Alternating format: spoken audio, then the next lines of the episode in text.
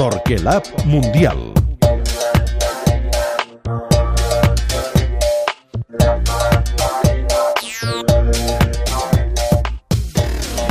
Tothom donava per fet, Ricard, que després de la contundent victòria contra la selecció espanyola, Holanda gairebé es passejaria contra Austràlia. I no només no s'ha passejat, sinó que li ha costat Déu i ajuda, eh, Ha guanyar. patit moltíssim, moltíssim. La primera part s'ha avançat Robben en una errada dels australians, però és que als dos minuts ha empatat Cahill probablement el gol del Mundial fins ara. Una pilota ploguda des de la dreta a l'esquena dels centrals de De Vrij i l'ha engaltat amb la cama esquerra sense deixar-la botar un cacau que ha entrat pel centre de la porteria. No ha tingut temps Silesen d'aixecar els braços, de poder aturar la pilota i ha empatat a Austràlia.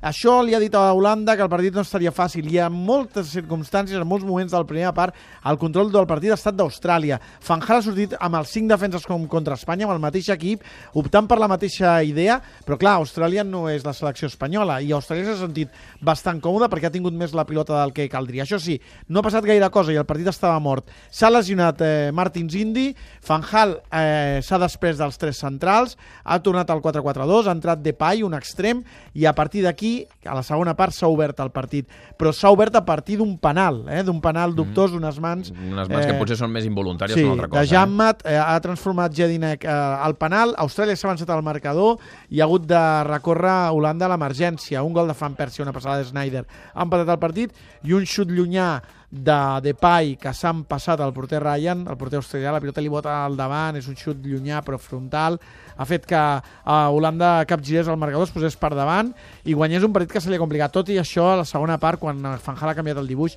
Holanda ha obert el partit, l'intercanvi de cops té molt més talent que Austràlia, tot i que els australians s'ha de dir que estan fent un Mundial digníssim, que han plantat cara a Xile i a Holanda en els dos partits i que tenen molts problemes defensius, però és un equip que ja ha fet tres gols, que físicament és un equip impecable, que està aguantant molt bé, tot i tenir un equip molt jove. Crec que, malgrat la decepció avui, perquè han fregat la sorpresa, crec que han d'estar molt orgullosos. Tothom els assenyalava com la ventafocs del grup, potser sí que acaben com a últims, però sense en cap moment no, No, no, no. plantar cara i no posar les coses complicades als teòrics favorits. I eh? l'objectiu era preparar la Copa Àsia de la, de, de la temporada de l'any que ve, te'n recordes que ho vam Que dir? de jugar a casa. Ah, exacte, que són els anfitrions i crec que ho estan fent amb molt bona nota, amb jugadors molt joves i que sortiran molt reforçats. Això sí, s'han quedat a les portes, avui sobretot de, de la gran sorpresa. Destacar que Cahill ha vist la segona groga, per tant, No l'emblema d'Austràlia no jugarà contra Espanya, un mal de cap menys per a la defensa espanyola.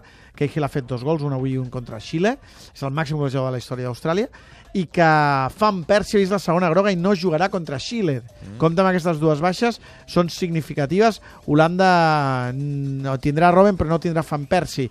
També dic que Robben i Van Persie han igualat a Müller amb 3 gols al capdavant dels màxims golejadors del Mundial. Holanda ha fet 8 gols en dos partits, això és jugant 3 quartes parts amb, amb 5 defenses. Un equip al de Van Gaal que li costa governar el partit, però que en l'anada i tornada s'està mostrant poderosíssim i vaja, i Austra Holanda que gairebé virtualment és, està classificada pels vuitens de final. Només un triple empat i amb els golaverats i tot plegat, una combinació una mica complicada, la deixaria fora. si però vaja. Espanya no guanya a Xile, ja, ja és el primer classificat pels vuitens de final. Si Espanya guanya a Xile, s'haurà d'esperar l'última jornada, però com dius tu, hauria de perdre contra Xile per, per, per més d'un gol, hauria d'esperar que Espanya golegés a Austràlia.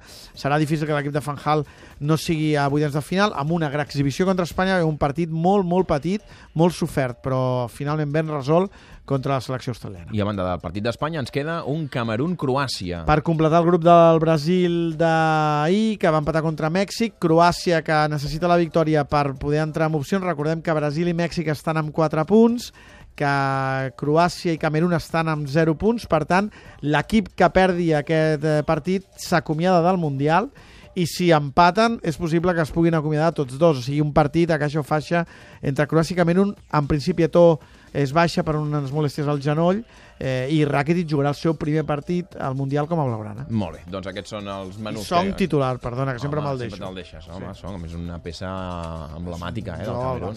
Sí, sí, sí, no juga gaire, però sí, juga, juga del Barça. Hem sentit els senyals horaris de dos quarts de nou del vespre. Ens queden dues coses per parlar del Mundial.